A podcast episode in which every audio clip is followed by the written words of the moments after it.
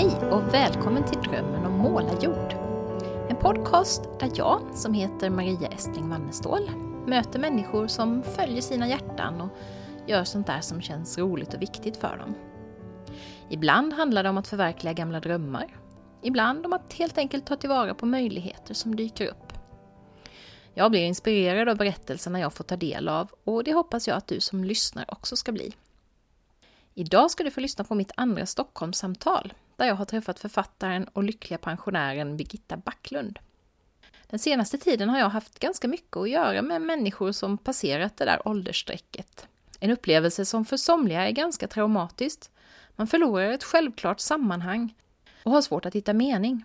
Medan det för andra kan vara det bästa som hänt i livet. Äntligen är man fri att göra allt det där man inte haft utrymme för tidigare. Ja, det kan se olika ut och det märker jag tydligt i den samtalscirkel för seniorer som jag leder just nu och som jag tänkte berätta lite mer om i nästa avsnitt när vi fortsätter på temat Det är aldrig för sent att börja leva livet fullt ut. Birgitta, som du ska få lyssna på strax, är verkligen expert på just det. Och här kommer hon från vårt möte en eftermiddag i början av februari 2016.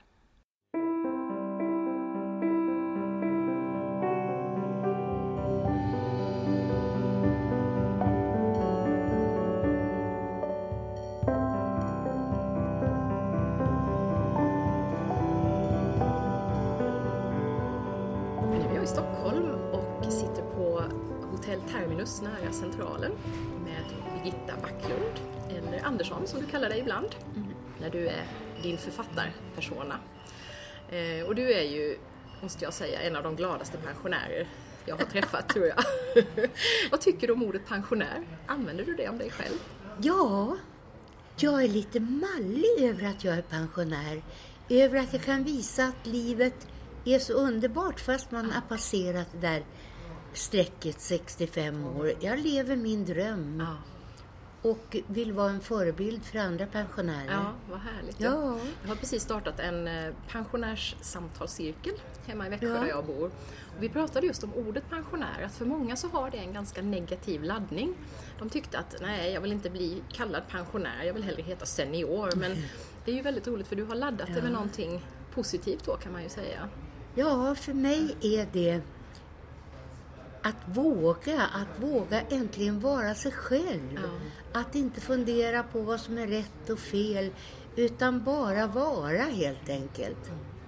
Jag är för gammal för att fundera på vad som är rätt och fel. Jag vill leva ett bra liv och göra resten av livet så gott det någonsin kan helt enkelt. Och det gör jag. Ja, det gör du. Ja. Och du är ju i farten något alldeles makalöst. Ja. Det ser jag på Facebook. Ja. Du är uppe tidiga morgnar och Mm, ja. du är ute på massa roligheter hela tiden. Och jag tänker att oj, du håller ju dubbelt så högt tempo som jag som är 25 år yngre. Okej, men det är kanske inte med sanningen överensstämmande. Jag går och tar en liten powernap Ja. varje dag. Ja. Och det för mig är det livskvalitet. Ja, men då laddar jag batterierna och sen när jag vaknar då är det full fart igen. Mm. Ja. Ja. Och är det just det här att det du gör är så energigivande, är det därför du orkar hålla igång tror du? Eller? Jag tycker att jag har fått en andra chans i livet. Och jag vill ta vara på varje sekund utav det livet. Jag har missat så många år.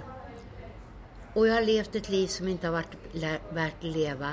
Äntligen så har jag lite livskvalitet. Och jag njuter varenda sekund. Ja, det är så härligt. Ja. Du har ju skrivit en bok som heter Blondie som fick mycket uppmärksamhet för några år sedan och där du berättar om din ganska trassliga bakgrund med kriminalitet och droger och många väldigt jobbiga år. Du har också varit väldigt utsatt. Eh, jag funderade på hur, hur lyckades du bryta den här negativa trenden? Hur kom det sig att inte du hamnade på gatan och blev kvar där? Jag har ju levt så många år på gatan. Så jag var tvungen. Det var, fanns inga alternativ. Jag har ju tillbringat 16 år på kåken. Och när jag tänker tillbaka så var hela mitt liv innan jag vände om en revansch. Jag växte upp i slummen på Söder där det bara fanns kriminella prostituerade, alkoholister. Och det var min tillvaro. Och sen blev jag våldtagen när jag var sju år. Och en annan gång när jag var 12 år blev mobbad i plugget. Och hela min barndom var jag uppfylld av hat. Jag hatade allt och alla. Jag eh, var besatt av känslan att jag någon gång skulle ta revansch på alla de som hade gjort mig illa. Och jag insåg ju ganska snabbt att jag kunde ju aldrig bli bäst på att vara bäst. Utan jag fick inrikta mig på att bli bäst på att vara sämst. Och det kostade mig som sagt 16 år på institutionen. Mm. Och då tänker säkert folk så här att herregud, måste vara korkad som har kastat bort så många år på kåken, mm. om man säger så. Men det hör till saken att jag fastnade ganska snabbt i narkotikamissbruk. Och när jag hamnade på institutioner och på Hinseberg så fanns det mer knark på Hinsan än det fanns på Plattan i Stockholm. Skillnaden var att på Hinsan var knarket tio gånger dyrare. Och knarkskulder var hedersskulder. Så så fort man kom ut så var det bara att göra nya bedrägerier för att kunna betala dem. Och det var en ond cirkel. Jag fastnade i ett ekorrhjul. Och jag hade ett självskadebeteende som var otroligt. Jag hatade mig själv och jag hatade livet jag levde. Men så träffade jag faktiskt några tjejer och en liten pastor som kom att bli mina förebilder. Tjejerna var akademiker, välutbildade, vackra och intelligenta. Mm. Och jag tänkte, så skulle jag vilja levt mitt liv också. Mm. Och de blev mina närmaste vänner. Mm. Och eh, Gun speciellt, eh, hon var vakt på Kronobergshäktet när vi träffades. Och vi pratade väldigt mycket om frågan, vill du, vill du bli kvitt den här skiten? Ja, sa jag. Jag ställer upp på dig så länge du vill och ställer upp på mig. Mm. Och alla förfasades och sa, du vet inte vad du gör, sa de. Hon är dömd att misslyckas. Mm. Men banne mig, det gick bra. Jag flyttade in till henne en liten studentlägenhet i Uppsala. Och pastorn ordnade en plats på journalistlinjen i Kalix. Och eh, det gick strålande. Jag hade ju aldrig läst en bok knappt hela mitt liv, men jag gick ut som bästa elev och fick stipendier och allting. Och hade en makalös tur. Jag fick kanonjobb. Var informationsredaktör på landstinget i Norrbotten. Åkte ner till Stockholm efter ett par år och eh, började som byrådirektör på Arbetsmarknadsstyrelsen. Slutade som avdelningsdirektör på ja. informationsenheten och var kvar där i tio år. Ja. Startade egna företag. Allting gick som på räls. Ja. Men jag plågades utav mitt förflutna. Jag levde på en livslögn. För man gör inte en sån karriär utan att ha, ha en strålande CV om jag säger så. Så jag ljög ju upp ett förflutet med utbildningar, akademiska betyg och ingen ifrågasatte vad jag sa. Nej, Till slut sa min gamla mamma så här, du kan inte ligga och gråta hela nätten och drömma mardrömmar. Börja skriva av dig allt vad du har inom dig. Ja. Och jag började skriva och jag grät och jag skrev. Och det gick många år, men jag märkte liksom att jag mådde bra av att ja. skriva av mig allt skit. Det var aldrig en tanke på att ge ut det i bokform. Nej, det fanns ingen sån från början nej, alls. Nej, nej, nej. För hade jag haft den tanken hade jag aldrig vågat vara så ärlig. Nej. Berättat om skiten och förnedringen och... Men eh, så hade jag en väninna som inte lever nu, Birgitta Stenberg, en känd författare. Mm. Så hon sa, kan jag inte få läsa vad du har skrivit? Jo, kan du få göra, så. Så ringde hon efter ett par dagar så sa hon, kan jag få visa min förläggare det här? Ja, jag bara skrattade. Ja, det kan du väl få göra, säger han. Och efter några veckor så ringer Kristoffer Lind eh, på Lind och Company förlaget och säger jag vill ge ut din bok. Ja. Och jag skrattar bara för mig var det overkligt. ja, kan du få göra, så jag. Och sen kom ångesten. Mm. tänkte jag vågar ju inte alltså blotta mitt skitiga förflutna för allt och alla. Var det ingen som visste om din bakgrund då? Eller? Ytterst få. Ytterst få. Och då fick ju jag stora skälvan. Och ville bryta avtalet med Kristoffer Lind. Men det skulle bli så dyrt. Och så ville jag ändra i texten, fick jag inte göra. För det var just uppriktigheten som han tyckte om. Och min man tröstade mig och sa, men Birgitta, ta det lugnt, sa han. Vi köper upp hela upplagan och bränner upp den.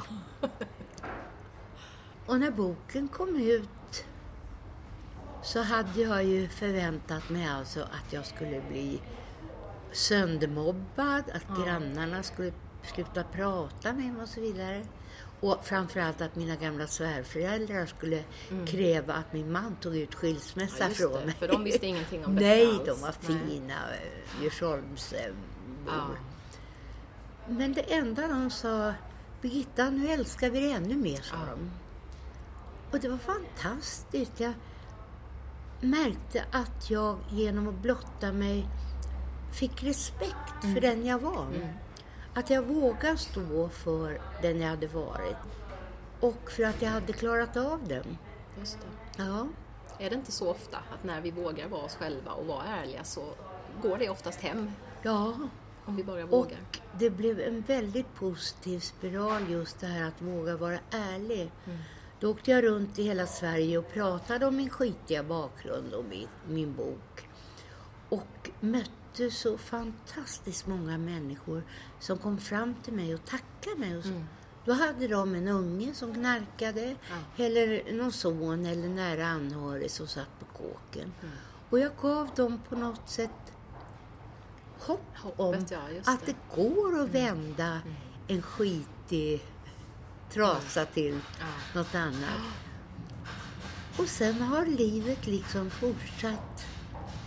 Ja, jag har haft ett väldigt bra liv. Ja. Lika skitigt som det var fram till 35, lika underbart har det varit efter det. Ja. Så du har gjort revansch på ett annat sätt kan man säga, för du beskrev det här att du var tvungen att göra revansch Ja. genom att bli duktig på, Ja. duktig i Det här blev nu- min riktiga revansch. Just det.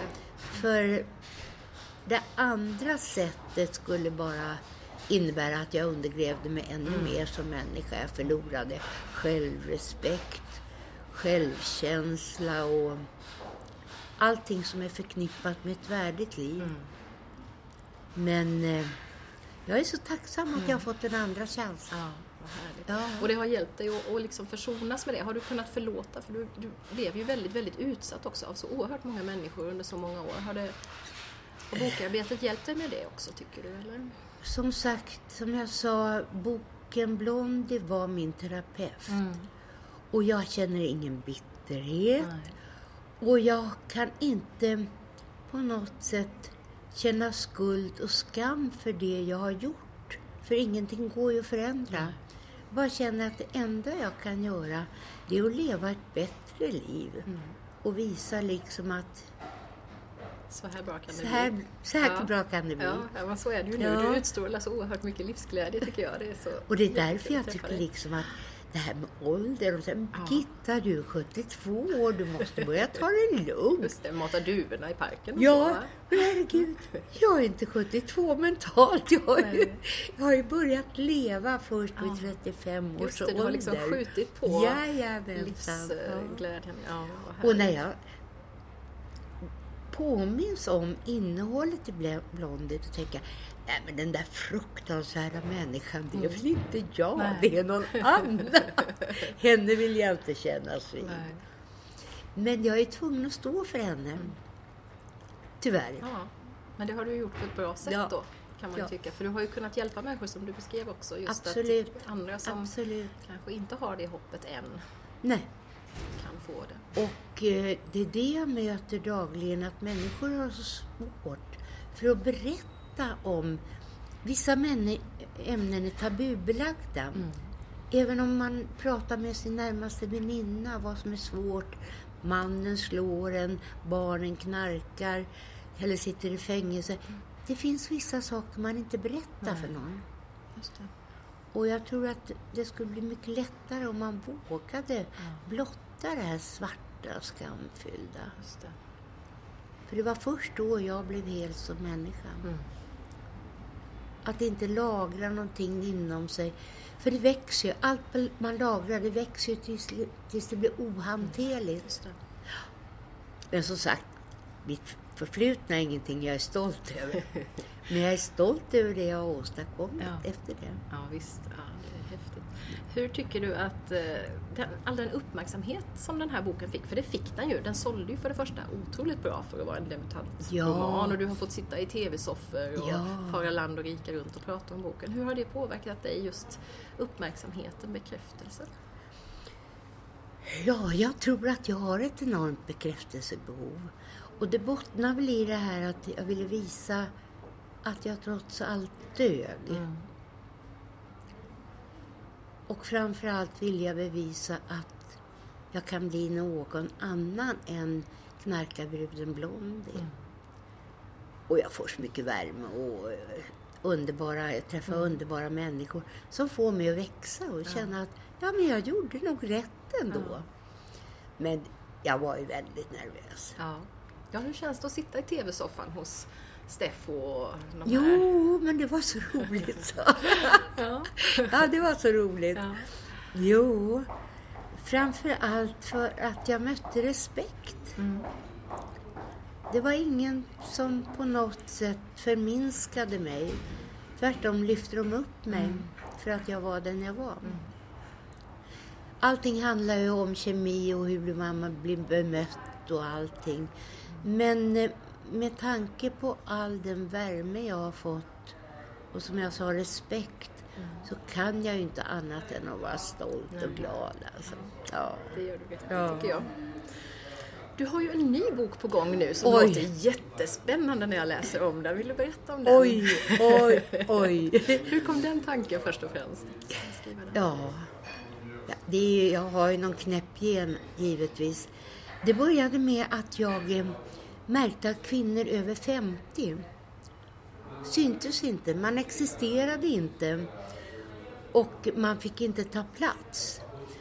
Och vi fanns inte i litteraturen och framförallt inte i den erotiska litteraturen. Så på skoj började jag spåna på att jag ska skriva en historia om en 70-årig kvinna som släpper alla hämningar och rumlar runt. Och eh, jag började skriva på boken som nu heter Lustans tivoli. Mm. Och kommer i vår? Den kommer i april mm. med en hejdundrande releasefest. Och jag märkte att det fanns ett sug för böcker just om äldre kvinnor och äldre kvinnors sexualitet. Mm. Nu inser jag ju det att de som tror att min bok är trosseri och snusk, de kommer bli väldigt besvikna. Men jag blev fascinerad. Jag åkte ner till Köpenhamn och på en releaseresa och träffade massor av människor. Transsexuella, homosexuella, eh, name it. Mm. Alla som på något sätt var utanför de gängse normerna. Mm. Och skapade, fick väldigt många, många vänner. Mm. Och då bestämde jag att jag skulle inte bara skriva min historia den här gången, utan jag skulle skriva även deras. Mm. Så att det, det blir en fartfylld resa där jag älskar mig visserligen både män och kvinnor, men det är marginellt i historien. Ja. Så det är ingen snuskvarning trots allt, kanske lite. Men det var så otroligt roligt alltså. Det ja. var en av de där kickarna i mitt liv. Ja, det var en härlig resa. Ja. Ja. Är, det, är det mycket du i uh, huvudpersonen? Jag tänker, du skrev ju en, en helt, eller nästan i alla fall, självbiografisk ja, roman, den första, även om en del ändrat så. Men uh, hur mycket är liksom du? Allt man skriver är på något sätt baserat i en själv. Mm. Nu är inte det här någon önskedröm att jag ska åka runt och rumla runt med kvinnor och män i För du är Köpenhamn. lyckligt gift sedan många år ju. Ja, ja, ja. Men jag utsätter ju min familj och framförallt min man för otroliga påfrestningar.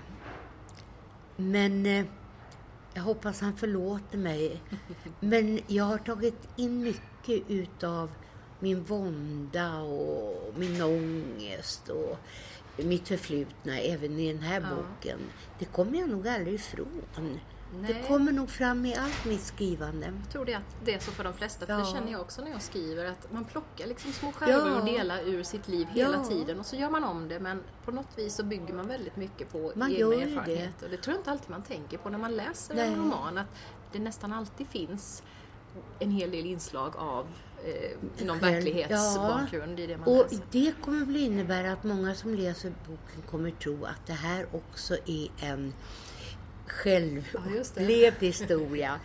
I och med att det är så många bitar utav mig själv som finns. Mm. Men det är ingen självupplevd historia. Det är helt en vansinnig skröna utav en galen 72 år. Och det, är, det är ju väldigt roligt också, eller hur? När man, att man har den friheten som författare. Att Ja. man får hitta på, man får Det är ju så fabulera roligt. bäst Det är man så vill. roligt. Ja, ja, visst. Och det är ju författarens frihet att Ja. kunna leva ut sina drömmar. Och, Ja. och det kan ju bli en flopp. Men vad då? Jag har haft så roligt Ja, jag skrev. det. Och en flopp, det är frågan också, vad är en flopp och vad är en framgång? Handlar det om att sälja många böcker eller handlar det om Nej. att det faktiskt finns ett fåtal som läser och får en jättehäftig upplevelse? Sånt kan man ju också fundera över. Vad är, vad är framgång? Vad är flopp? Nu är det inte så att jag går jättenervös över vilket mottagande boken ska få. Som jag sa, jag har haft så roligt när jag skrev den. Och jag hoppas liksom att det kan bli en kick. Jag vill visa liksom Ja. att kvin- det finns kvinnor över 72 år som är kåta, som är glada, som inte vill sitta och mata duvorna som du sa, utan som vill leva livet. Ja, ja det är härligt. Tänkte på, jag startade en eh, samtalscirkel för pensionärer här eh, förra veckan och då pratade vi just om det här, någon hade varit på ett PRO-möte och varit så otroligt besviken. För hon kände, jag ska inte ha några förutfattade meningar, men kom dit och då var det Göingeflickorna som spelade. Det var, folk satt och sov, alltså det förstärkte väldigt mycket den här bilden att ja, pensionär, då är du på ett visst Ja, sätt. Och då tänker jag att det här är ju en sån underbar motvikt till det, att ja men så här kan det också vara att vara pensionär. Det kan finnas så mycket livsglädje och lust och ja. jag tycker du gör Ja, en, det en försvinner- gärning där som är Det viktig. försvinner ju inte i och med det man fyller Nej. 65 år. Visst. Eh, såg en väldigt fin film igår som heter Våga älska Mm. med Sven Wollter och Gita Nörby. Som handlade om just ålderdomen och om att våga älska, framförallt våga älska livet. Ja. Och jag skulle vilja bli en sån förebild. Mm. Visa liksom alla möjligheter vi äldre har, Mm. Om vi vill ta dem. Just det. Imorgon ska jag träffa Dagny då som fyller 104 snart och hon bloggar ja, och vad nätdejtar och Åh, sådär. vad Det är härligt. Ni är Åh, vad sådana goda härligt. förebilder Ja. båda två. Livet tar slut först när man själv Ja, lägger av. bestämmer sig för det. Ja, sätt. ja. Du Birgitta, du är ju också aktiv i en massa olika skrivsammanhang förutom att du skriver eh, på dina romaner då. Du har skrivit noveller, det har vi ju gjort både du och jag Ja. i samma novellsamling, Ja. ett par stycken. Eh, och, jag- vad, hur är det för dig? Jag tycker det här med noveller har varit en en uppenbarelse, att det var så himla kul. Hur, hur ser du på novellskrivandet? För mig var novellskrivandet ett speciellt kapitel. Jag jobbade väldigt länge. Jag jobbade till jag var 69 år. Och då var novellerna ett väldigt bra komplement. Att inte ställa eh, in sig på ett stort bokprojekt utan jag kunde skriva kortare noveller. Det som fångade mig. Mycket hamnade i, brev, i byrålådan. Men det var också en sorts, sorts terapi. Jag skrev vara med glädje, sorg, kärlek och drömmar. Ja. Novellskrivandet är fantastiskt Ja. roligt. Ja, visst är det. Ja. Just det här att fånga någonting, fånga en känsla Ja. eller någonting på så kort tid. Jag tycker Ja. det är eller så litet utrymme. Det är väldigt... Och framförallt tror jag att novellerna passar väldigt många människor. De kan sitta på tunnelbanan eller på bussen och läsa en novell och så lägga ifrån sig boken. Man behöver inte engagera sig. Folk är stressade Ja. och vill ha komprimerat och allting. Det. Så det är kanske den nya tidens eh, läsideal Jag är övertygad om egentligen. det. På något Jag är sätt. övertygad om det. Ja, kul. Ja. Fick väl lite uppsving också med när Alice Munro fick eh, Nobelpriset tror jag. Ja, ja, då applåderade jag. Visst, ja, visst.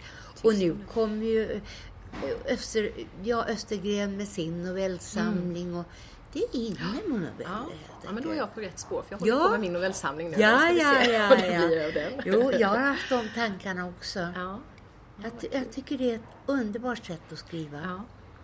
Ja, roligt. Och så kommer man snabbt till avslut. Ja, precis. Ja, och så ja. finns alla de här roliga tävlingarna man kan skicka in Ja. till för att också få lite, om man vill ha lite press på sig med en deadline till exempel. Ja, Möjligheten att bli ja. antagen kan vara lite lättare än med en Ja, jag har medverkat nu i ungefär 15 novellantologier. Och kommer ytterligare i, fler, i några till. Ja, just och det. det ska bli fler. Ja, du fortsätter. Ja, det är Ja, härligt. ja, Har du ja. fler romanidéer på gång också? Jag har börjat med en tredje roman. Ja. Mm.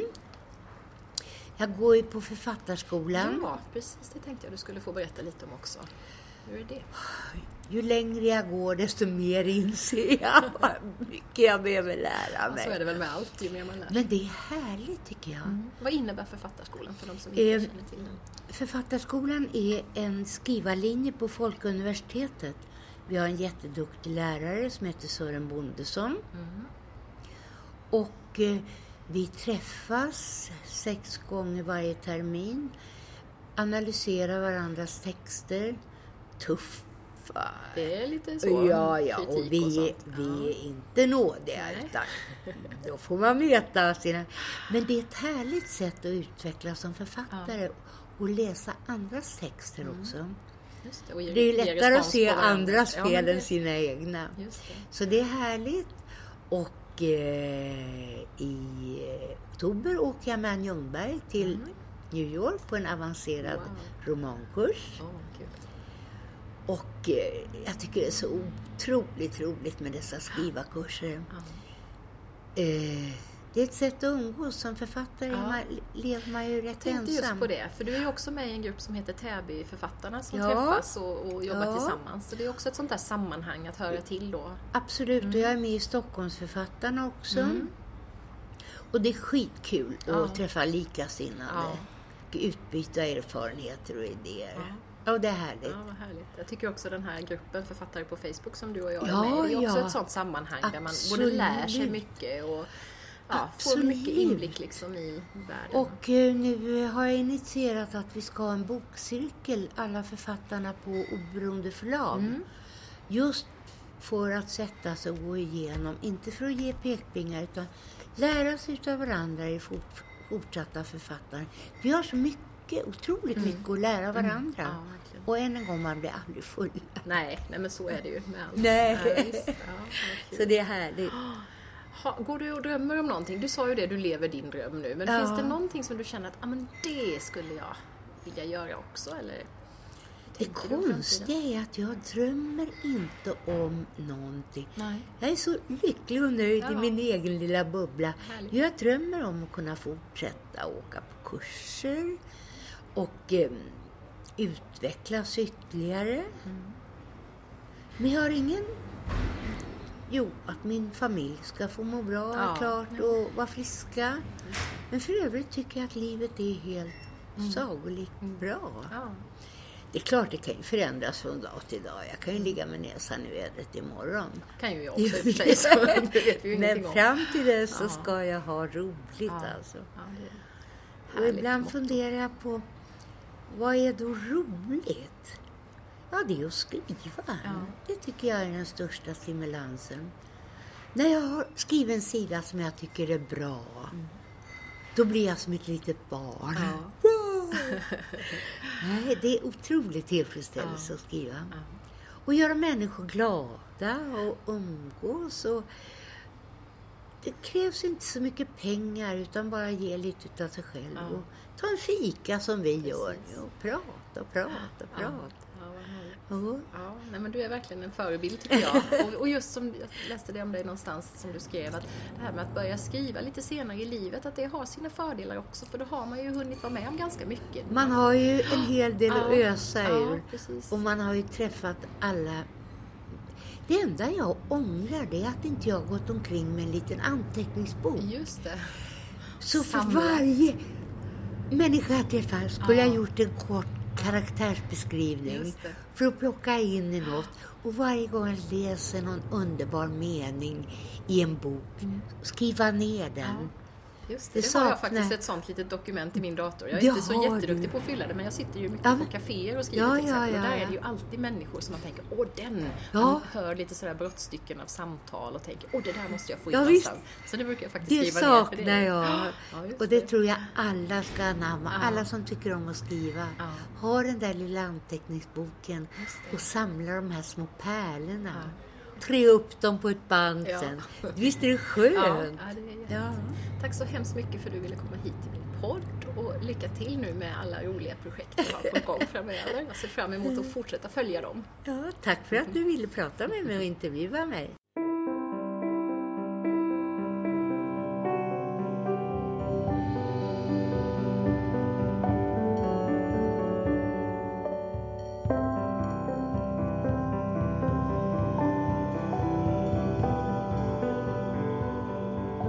Var alltså Birgitta Backlund och om du skulle vara nyfiken på hennes böcker så hittar du dem under namnet Birgitta Andersson.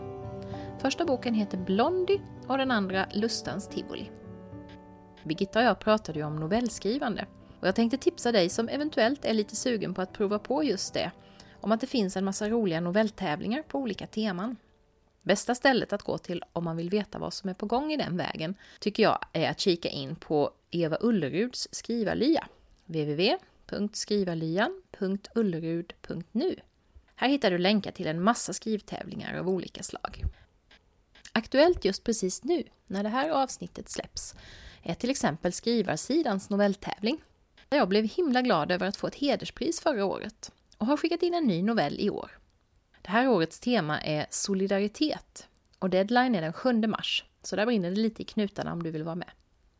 Och på tal om livet på äldre dagar så har organisationen SPF Seniorerna också en novelltävling i sin nättidning Senioren, just på temat seniorliv. Deadline för den är den 14 mars. Du hittar direktlänkar till båda de här tävlingarna på Skrivarlyan, som jag också lägger en länk till på hemsidan. Vid sidan av skrivandet är det här med goda samtal om viktiga saker som du som lyssnar har förstått någonting som jag verkligen brinner för och ägnar mig åt i många olika sammanhang, alltifrån podden till samtalscirklar.